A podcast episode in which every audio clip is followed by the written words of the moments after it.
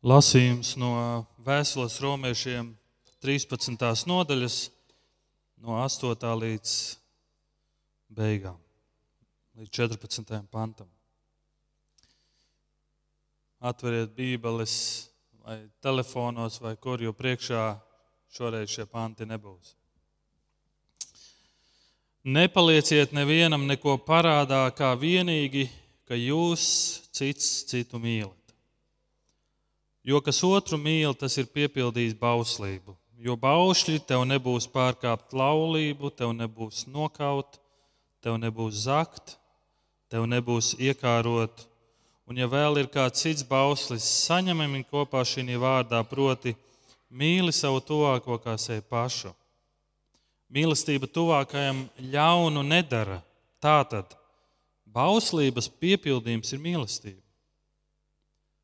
To darīt, saprastami šo laiku, ka jums pienākusi stunda celties no miega.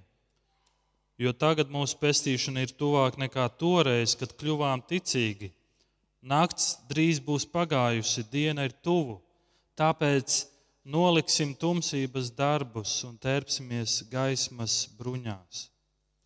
Dzīvosim cienīgi, kā diena to prasa, nevis dzīrēs un skurbumā, izvērtībā un izlaidībā, ķildās un naidā. Bet lai jūsu bruņas ir Kungs Jēzus Kristus, un nelutiniet miesu, lai nekristu kārībās. Lūksim Dievu!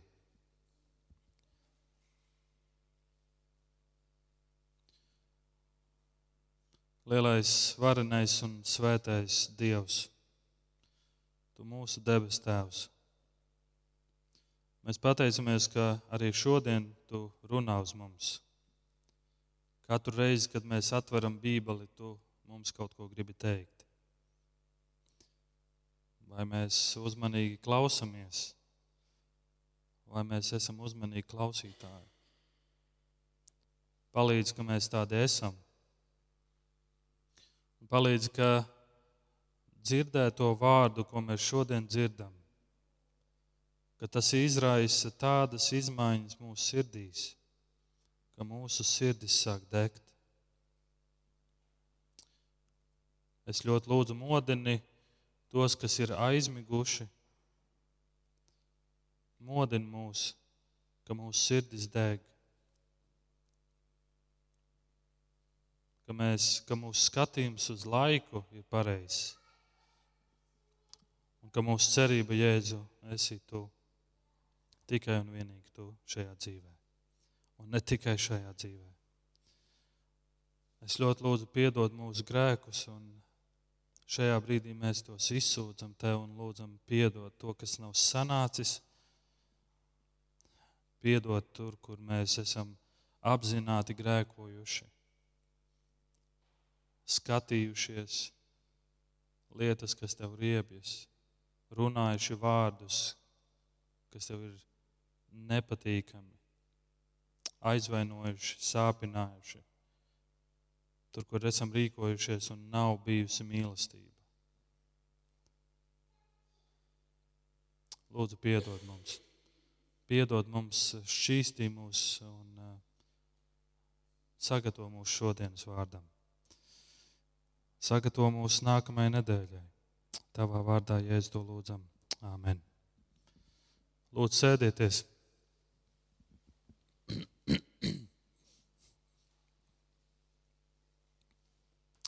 Prieks jūs redzēt, tos, kas esat šeit, un tie, kas skatāties eh, mūsu tiešraidē. Un, eh, tie, kas nezina, mani sauc Raimons, es esmu viens no šīs draudzes sludinātājiem. Mūsu šodienas panti ir tie panti, ko es lasīju no Pāvila vēstules romiešiem.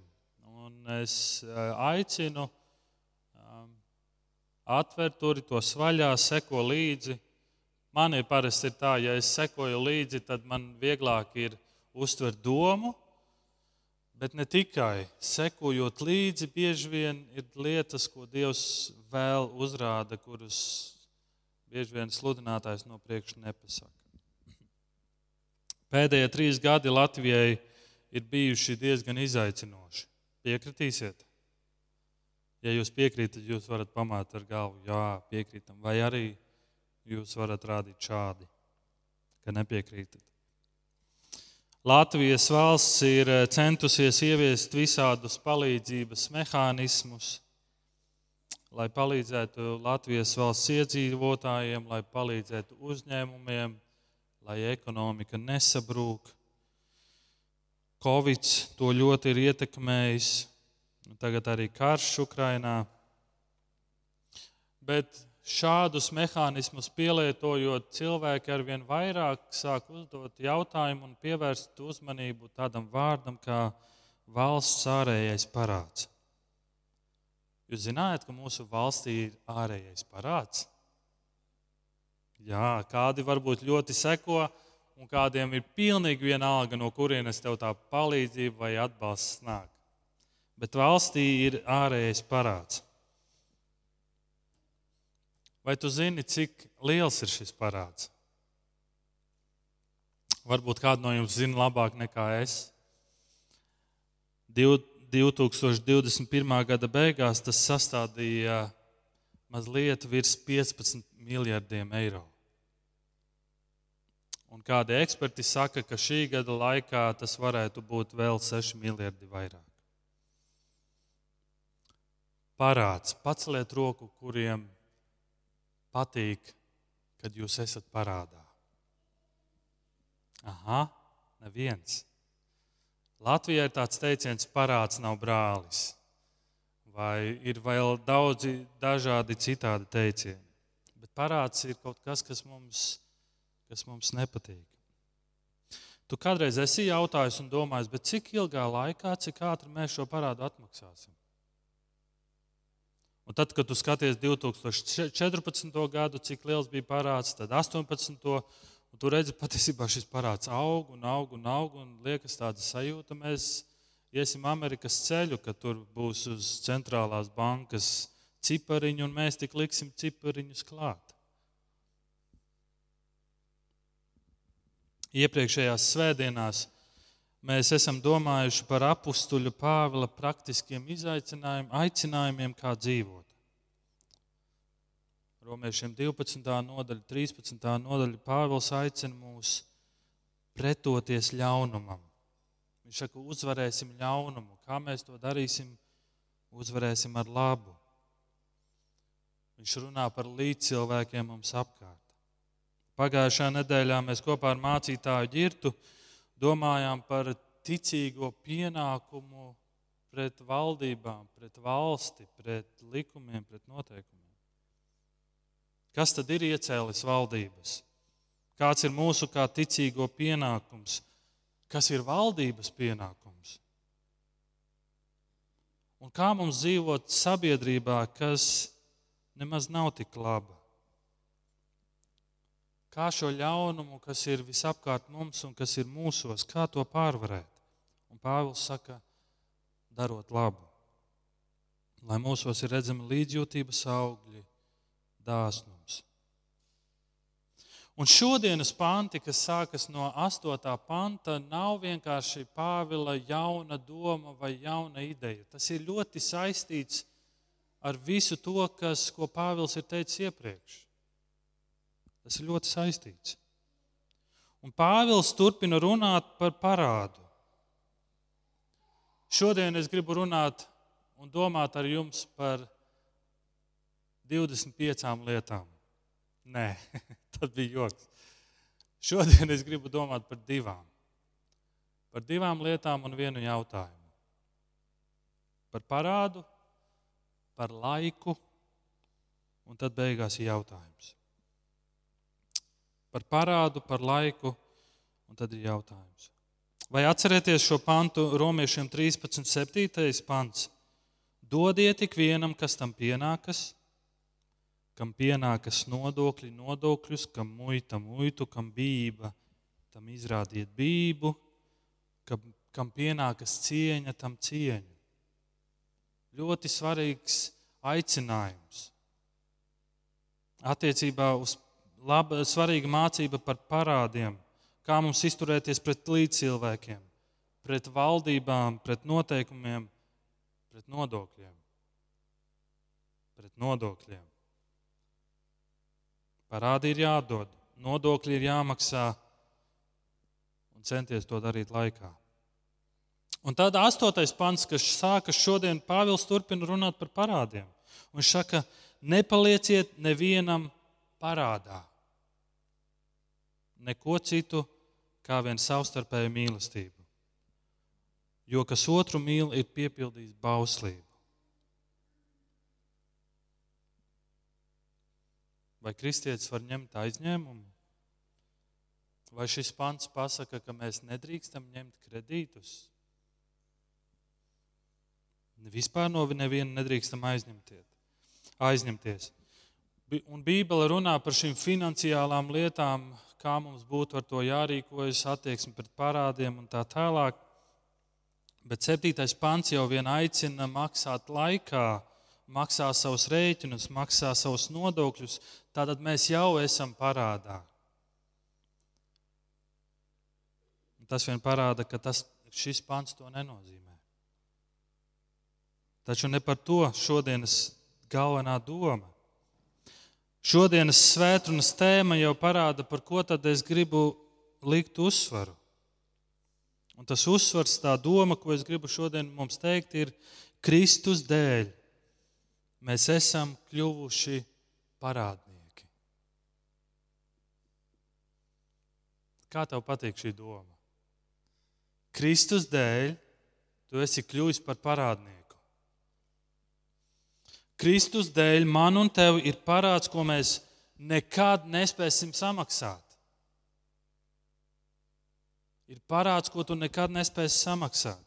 Tas izklausās jocīgi, bet tas ir tas, ko Pāvils šodien mums māca. Kristus mūs ir ievedis parādos. Un šis stāsts nav par sektām vai baznīcām ar greizu teoloģiju, kas tev liek pārdot visu savu iedzīvi un vēl ņemt parādā, un tad tu esi tādos parādos, ka tu nevari tikt no tā ārā. Tas nav stāsts par to. Pāvils grib uzsvert kaut ko svarīgāku. Viņš runā par mīlestības parādu. Mīlestības parāds. Mums visiem ticīgajiem ir jāsaprot, ka mums visiem ir šis ikmēneša, ikdienas parāds mīlēt savu tuvāko. Nepalieciet nevienam parādā neko citu kā vien savstarpēju mīlestību, jo kas otru mīl, ir piepildījis bauslību.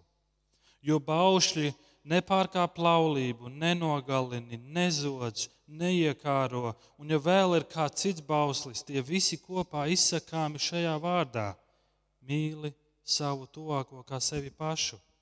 Mīlestība tuvākajam ļaunu nedara. Tātad bauslības piepildījums ir mīlestība.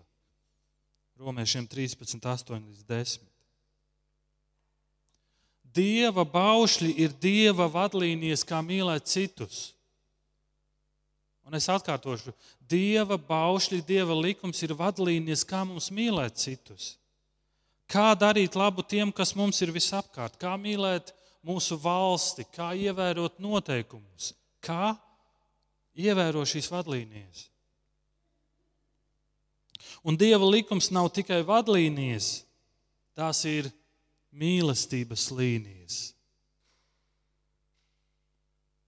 Dieva likums ir šīs mīlestības līnijas, jo kas otru mīl, ir piepildījis bauslību. Un šeit apstāsimies. Nota bene, es gribētu teikt pievērs uzmanību. Astotajā pantā Pāvils saka, ka mīl, kas mīl, ir piepildījis bauslību. Un desmitais pants saka, bauslības piepildījums ir mīlestība. Ko Pāvils grib pateikt?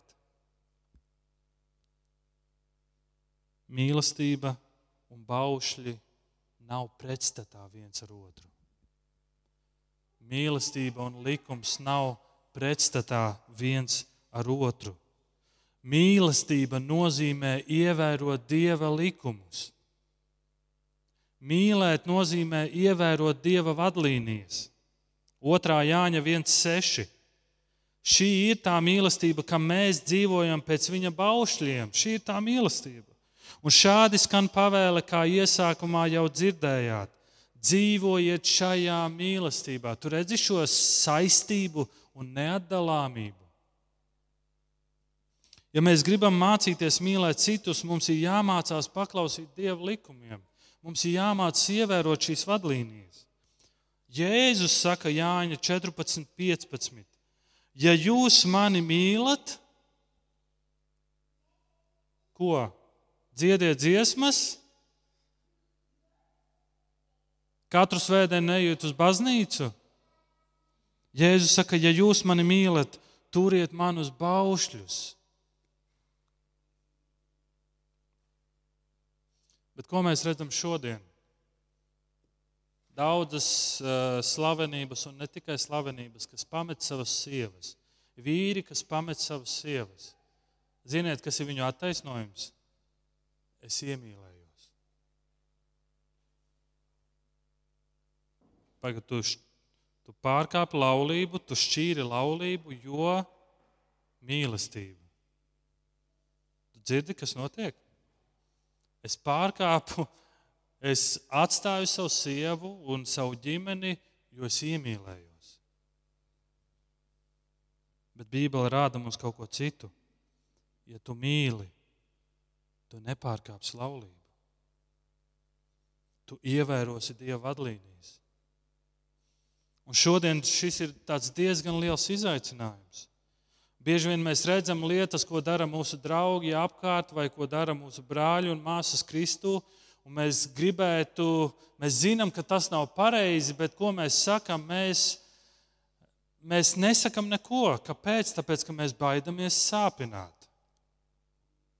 Jo, ja es tev pateikšu kaut ko, kas īsti, kas varbūt ir grēks, man bailes, ka mēs varētu pazaudēt mūsu attiecības. Man bailes, ka tu varētu vairs e, mani neievērot. Un tas, ko mēs šodien sakam, mīlēt, nozīmē ļaut, lai cilvēks jūtas ērti. Mīlestība ir justies ērti. Galvenais, lai viņš jūtas ērti. Tāpēc mēs neizaicināsim, tāpēc mēs nenorādīsim, tāpēc mēs neteiksim patiesību. Jo galu galā desmitais pants saka, mīlestība tuvākajam ir tā ļaunu nedara. Un man šķiet, ja es viņam pateikšu patiesību, es viņam nodarīšu ļaunumu. Vai tā nav? Bet, ziniet, tikai Dievs zina, kas mums ir visnepieciešamākais. Kāpēc Dievs to zina? Viņš ir radījis cilvēku, viņš zina, kas notiek manā dvēselē, viņš zina, kas notiek manā sirdī, un viņš zina, kas man ir visnepieciešamākais. Ja tu vēlies savam tuvākajam nenodarīt ļaunu, lūk, kā tev tas jādara. Seko Dieva vadlīnijām nevis saviem instinktiem, nevis savai gudrībai. Šajos pantos mēs lasām, nepārkāp laulību, nenodarīs pāri savam tuvākajam, nenogalini, neatņem sava tuvākā dzīvību, nezodz, neatņem tuvākajam to, kas pieder viņam, neiekāro, neesi skaudīgs uz savu tuvāko, bet priecājies par savu tuvāko. Katru reizi, kad mēs neievērojam Dieva vadlīnijas, mēs apšaubam viņa gudrību un mēs nespējam mīlēt. Katru reizi, kad mēs neievērojam Dieva likumus, mēs sakām, es zinu labāk.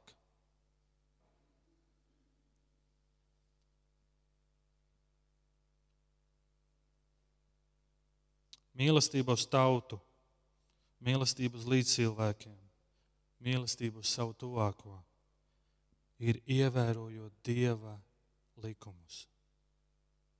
Bet tu zini, par ko ir Dieva likumi? Mēs šeit jau lasām, Jo bauši tev nebūs pārkāpt, tev nebūs nokaut, tev nebūs zakt, tev nebūs iekārot. Un, ja vēl ir kāds cits bauslis saņemami kopā šī vārdā, proti, mīli savu tuvāko. Tu redzi, kas ir Dieva likumu galvenā nozīme - mīlēt savu tuvāko. Un tad tu domā, kā man mīlēt? Un Dievs saka, ievēro manas mīlestības līnijas. Ievēro tās.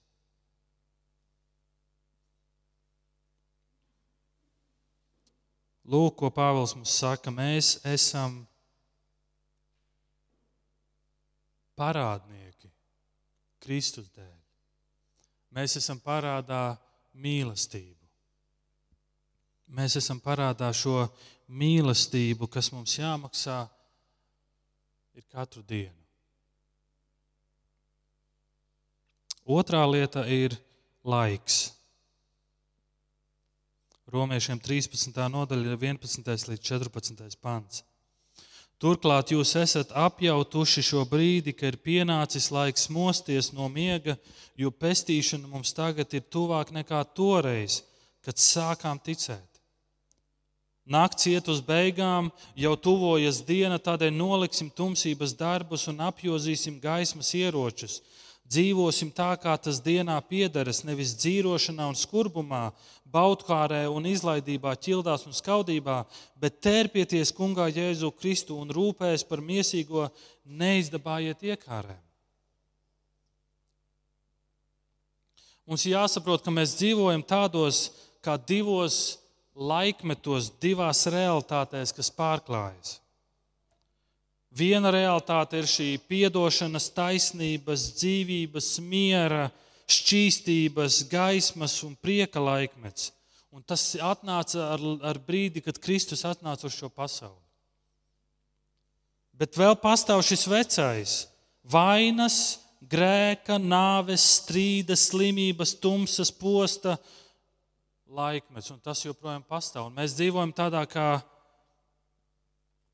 pārklājumā. Kristū mums ir piedots. Mēs esam darīti svēti. Viņa mīlestība paliek uz mums, bet vēl nekas nav pilnīgs. Mēs joprojām cīnāmies ar grēku, mēs joprojām slimojam, mēs joprojām mirstam. Un tas, ko Pāvils mums grib pateikt, ka laika zināšana, paskatieties 11. pantu, To darāt, saprastami šo laiku, ka jums ir pienākusi stunda celties no miega. Tas, ko Pāvils saka, ka laika zināšana, jeb sapratne par laikiem, ir mūsu motivācija mīlēt.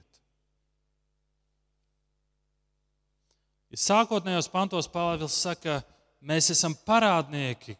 Kādi parādnieki? Mīlestības parādnieki. Un Pāvils turpina un saka, un ja mēs izprotam laikus, kuros mēs dzīvojam, tad tā ir mūsu motivācija mīlēt. Un Pāvils šeit min divas lietas. Pestīšana mums tagad ir tuvāk nekā toreiz, kad sākām ticēt. Šis vārds pestīšana, jeb glābšana, ir kaut kas, kas ar katru ticīgo ir jau noticis tagad šodien. Un tam patiesībā būtu jābūt mūsu priekam. Kad tu mosties, tu Dievam saki, Dievs, paldies par glābšanu. Vai pestīšana ir tavs prieks?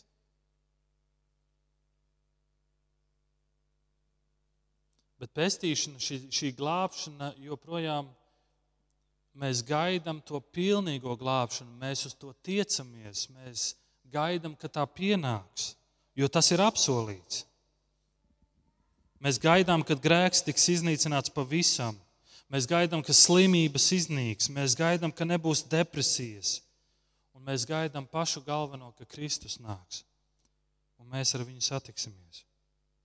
Līdz šim mēs visu redzējām kā spogulī, bet tad vaigu vaigā. Mūsu pilnīgā pestīšana ir Kristus, ko mēs gaidām, kurš nāks. Un Pāvils saka, mīļie, tas laiks tuvojas.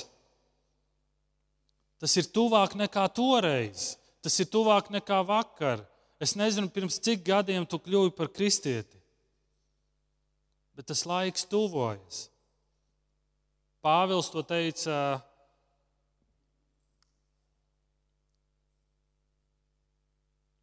gandrīz 2000 gadus atpakaļ, mazliet mazāk. Tad cik daudz tuvāk ir šis laiks? Un otrā lieta, Pāvils saka, nakts iet uz beigām, jau tuvojas diena. Nakts tas ir laika posms, kad Jēzus Kristus ir prom no savas draudzes. Nakts tas ir šīs tumsības laiks, šis grēka laiks. Un Pāvils savai Romas draudzē, pirmajā gadsimtā, un ne tikai Romas draudzē, māca šo svarīgo lietu. Starp citu, Romas draudzene bija trimdā. Bija šī Romas impērija. Daudzi jūdi bija trimdā. Un tas, tas, ko Pāvils viņiem māca un grib atgādināt, un arī mums šodien, nakts iet uz beigām. Ausīs saule. Esi par to pārliecināts. Kristus nāk, Kristus tuvojas. Nedomā par tumsu, nefokusējies uz tumsu. Pievērs uzmanību tai patiesībai, ka Kristus otrā atnākšana jau ir pavisam tuvu. Tumsas spēki ir salauzti. Tas ir tikai laika jautājums. Tā ir jābūt mūsu cerībai. Ja tu esi kristietis, tā ir tava cerība, ka tu gaidi, tev ir šī izpratne par šo laiku, kas tuvojas, par šo laiku, kas nāk. Un ja tev ir šī izpratne, tad pēkšņi tā ir tava motivācija mīlēt. Mārtiņš ievadā lasīja no Jeremijas grāmatas. Un Dievs saka vārdus tautai, kas ir trimdā kas ir izsūtīti, viņi nav savā zemē. Tu neesi mājās. Daudzi šodien to ļoti izjūt, kas ir bēguši no savām valstīm, vai nu kara dēļ, vai kādu citu iemeslu dēļ. Bet ko viņš saka? Viņš saka, ko viņš saka šiem trimdiniekiem? Cel mājas, stādi dārzus, ēd augļus, ņem sievas, dzemdējiet dēlus un meitas. Vairojieties, neiet mazākumā, dzīvo tur, vairojies. Bet tad viņš saka, rūpējieties par tās pilsētas labumu, rūpējies par pilsētu. Un lūdz kungu par to, jo tās labums būs jūsu labums trimdnieki, viņš saka, augļojieties un vairojieties un svētījiet to pilsētu, kurā jūs dzīvojat, un lūdziet par šo pilsētu, jo tās pilsētas labums būs tavs labums. Un tad viņš saka vēl vienu lietu. Bet neaizmirsti savu identitāti. Neaizmirsti, kas tu esi. Un Dievs saka, es atvedīšu jūs no trimdas Es atvedīšu jūs no trimdas. Jums ausīs saule. Laika apjaušana, laika izpratne ir tā motivācija, kas mūs motivē mīlēt. Laika zināšana, īstais laiks, apjaušana palīdzēja Ukrainai atvairīt vienu traģisku lielās Krievijas impērijas uzbrukumu. Tikai tāpēc, ka viņi zināja, kurā laikā tas notiks. Un tāpēc Pāvils mūs šodien aicina, un viņš saka, mosties. Mosties, viņš saka.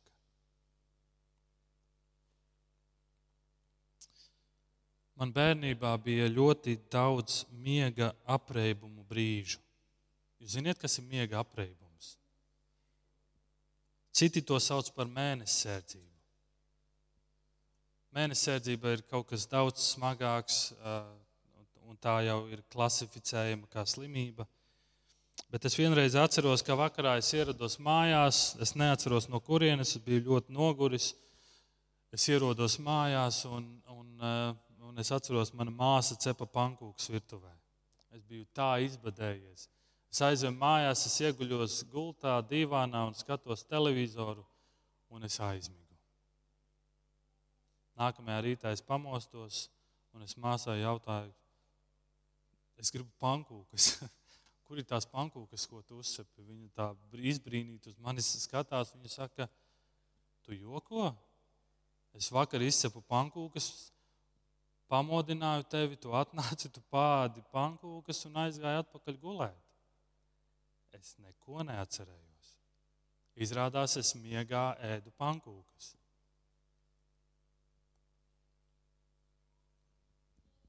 Es miegā bieži vien staigāju, es miegā runāju.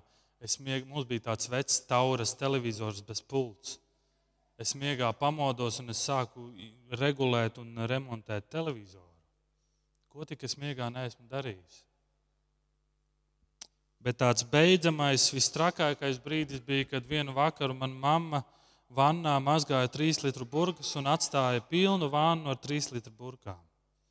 Un es aizēju gulēt, un es pamostos, jūtu, ka ir augstas sienas, un es stāvu vannā uz trīs litru burkām. Es biju pārbijies, mamma bija pārbijusies, un mēs sapratām, nu, ka tas ir diezgan nopietni. Paldies Dievam, šīs burkas neplīsa. Mēs gājām uz draugu, mēs lūdzām, lai draugi par to lūdz, un to no tās reizes nekas tāds vairs nav, nav atkārtojies. Kāpēc es to saku? Pāvils saka, mosties un beidz staigāt sapņos. Esi uzmanīgs. Viss pasaulē, kas neatmodina lielāku ticību Kristum, mūs iemidzina. Un mēs kļūstam tādi kā mēnesis sērdzīgie, kuri staigā un domā, ar mums viss ir kārtībā. Un Pāvils saka, mosties, ievēro laikus, kurā mēs dzīvojam. Kas ir tā tava cerība? Un Pāvils saka, mosties ar izklaidi piesātināti cilvēki, kuri Kristu nevērtē augstāk par visu, ir kā tādi izpletņu lēcēji, kuri domā, ka vējš, kas plūst cauri viņu pirkstiem ar ātrumu 120 km/h, ir dzīvības saviļņojums.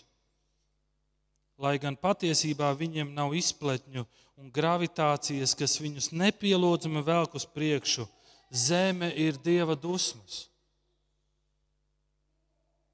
Zeme ir dieva dusmas. Un Pāvils saka, mosties, tu, kas guli. Jāņa 3,36. Tam, kas tic dēlam, ir mūžīgā dzīvība, bet kas dēlu neklausa, tas dzīvību neredzēs, un dieva dusmas paliek uz viņa. Un tāpēc Pāvils saka šos aicinājumus: nakciet uz beigām, un diena jau tuvojas. Tādēļ noliksim tumsības darbus.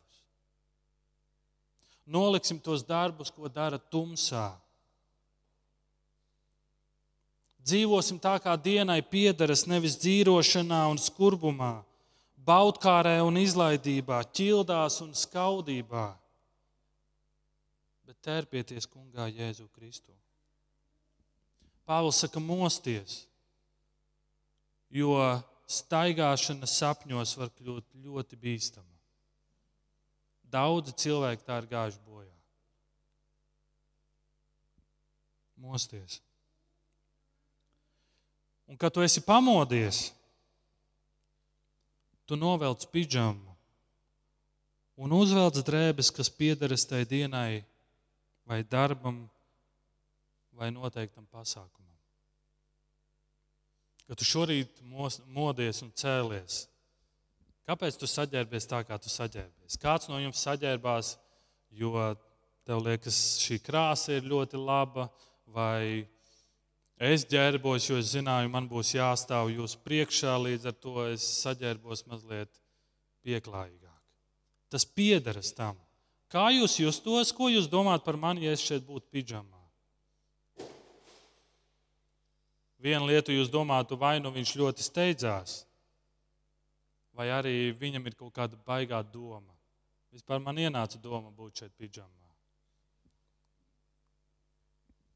Bet Pāvils aicina, viņš saka, tērpieties Kristū. Ja tu vēl neesi to izdarījis, nedomā, ka rītdiena tev pieder. Ja tu tā domā, tad tu neesi apzinājies laikus, jeb patiesību par laiku, kurā mēs dzīvojam. Bet, ja tu esi tērpies Kristū, ja tu esi nodevis savu dzīvi viņam, tad beidz dzīvot tā, it kā tu būtu tērpies pidžamā. Ja tu piederi Kristum, ja mēs sakām, Kristus ir mans kungs, es viņam ticu, tad beidz dzīvot tā, it kā tu būtu ģērbies pidžamā. Sēdi savā ērtībā, un tev liekas, mums vispār kristiešiem nav nekādi pienākumi, es nevienam neko neesmu parādā, un visi man ir parādā. Patiesībā, ja mēs apzinātos vairāk tos, ko Kristus mūs aicina, mums Vīlandē būtu jātaisa divi dievkalpojumi cilvēku trūkuma dēļ. Nevis trūkuma dēļ, bet cilvēku pieplūduma dēļ.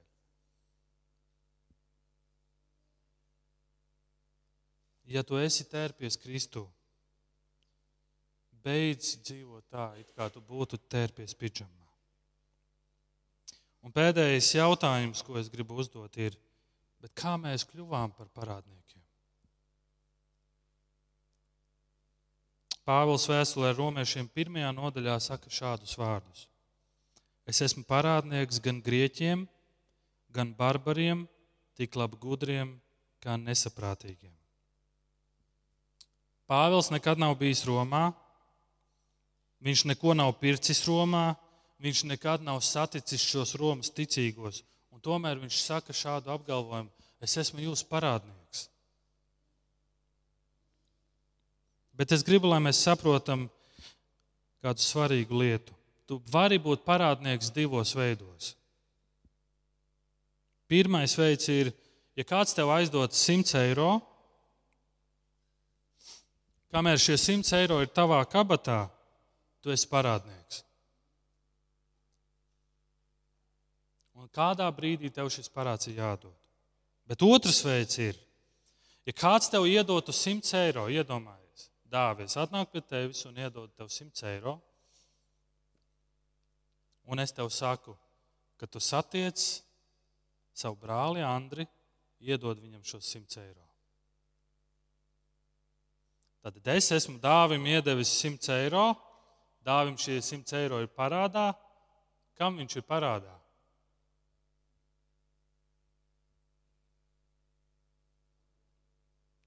Varētu teikt, abiem, vai ne? Viņš ir parādā man, bet patiesībā viņš ir parādā savam brālim, jo es viņam teicu, es tev dodu, lai tu iedod savam brālim. Un šis otrais veids ir tas, ko Pāvils saka. Es esmu parādnieks. Romiešiem 5,5 Pāvils saka, bet cerība nepamet kaunā, jo Dieva mīlestība caur svēto garu, kas mums dots, ir ielieta mūsu sirdīs. Dievs ielie, ieliek kaut ko mūsu sirdīs. Tā ir mīlestība, ar kuru mēs spējam mīlēt cilvēkus. Mēs nespējam ar savu mīlestību. Dievs mums to dod. Kāpēc Viņš to dod? Savam priekam. Un 15. pāns, pirmajā nodaļā Pāvils saka, un tādēļ es degu. Viņš deg, viņa sirds deg. Ja tu esi parādā kādam, Par ko deg tava sirds? Par darbu, par naudu. Jo tu dedzībā mēģini savākt, nopelnīt vairāk naudu, lai šo parādu atdotu. Bet Pāvils saprot, cik lielu mīlestību Dievs viņam ir devis. Ka viņa sirds deg, ziniet par ko? Es tādēļ degu nepacietībā sludināt evaņģēliju arī jums, kas esat Romā.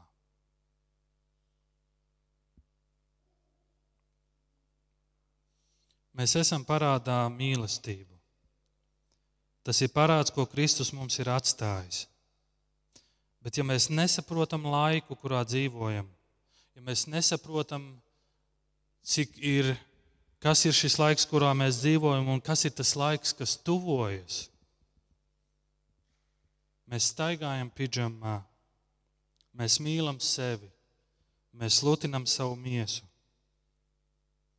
Bet, ja mēs esam pamodušies, apģērbušies, tad nesāsim šo mums piešķirto uniformu godam un ar deksmi sludināt evaņģēliju citiem. Kāpēc? Tāpēc, ka es apzinos, kas ir tas, ko man Dievs ir devis, un kas ir tas parāds. Un tā ir mīlestība. Mīlestība katru dienu. Mēs lūgsim Dievu, un es aicinu, ka šajā lūkšanas laikā tu vari Dievam izteikt uh,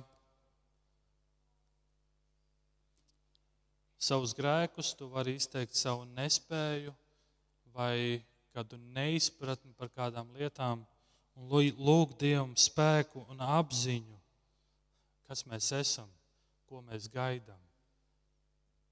Lai šī mīlestība mūsos deg. Un tad, kad jūs iesiet pēc tam, kad jūs iesiet uz blakus telpu, ēst gardumus un būt sadraudzībā, es gribu, lai jūs pārunājat vismaz ar vienu cilvēku, vismaz vienu lietu, vienu jautājumu. Kā tu domā, ja pēkšņi tu pārvāktos uz citu vietu dzīvot? Vai tavi kaimiņi to izjustu? jā vai nē, un kā tev šķiet, kā viņi to izjustu. Ja pēkšņi tu pārvāktos dzīvot uz citu vietu, vai tavi kaimiņi to izjustu? Vai viņi, viņi vispār justu atšķirību, starpību?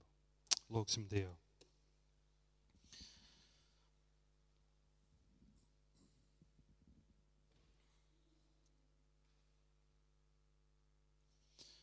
Jēzus Kristu, tavs vārds ir patiesība un mēs pateicamies par Tavu vārdu.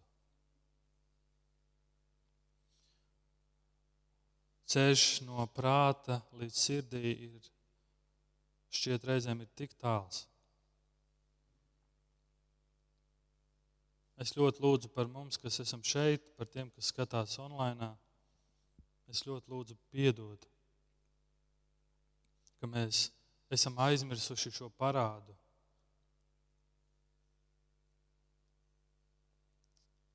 Mēs esam aizmirsuši to, cik lielu mīlestību tu esi devis pār mums. Piedod, kā mēs dziedājam dziesmā, ka, man, ka mana sirds ir kā akmens pret saviem radiniekiem, pret saviem līdzcilvēkiem, pret saviem kaimiņiem. Un ka man šķiet, evaņģēlijas nav pats svarīgākais viņu dzīvēs, bet kaut kas cits. Lūdzu, piedod Jēzu. Piedod, ja mums kristietība šķiet garlaicīga un šķiet tā nav priekš manis. Es lūdzu, piedod, atver mūsu acis. Piedod, ja mēs dzīvojam šajā laikā, Jēzu, un fokusējam savu uzmanību uz tumsu un to, kas notiek šajā pasaulē, bet nefokusējam savu uzmanību uz to, kas mēs esam un ko mēs gaidām. Palīdz mums gaidīt Jēzu tevi Palīdz, ka tas ir mūsu prieks. Izmaini mūsu sirdi tā, ka mēs ar lielām gaidām tevi gaidām, un ka tā ir tā mūsu motivācija mīlēt savu tuvāko. Jēzu, piedod lūdzu mums. Es ļoti lūdzu, tāpēc modini mūs, lai mēs neesam kā tādi miegā apreibuši, kuri staigājam un domājam, ka nu, mēs kalpojam tev.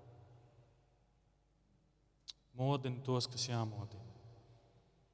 Modini mūs, modini draugus Rīgā un Latvijā un visā pasaulē. Jēzu Kristu, tev lai vienam gods un slāpes.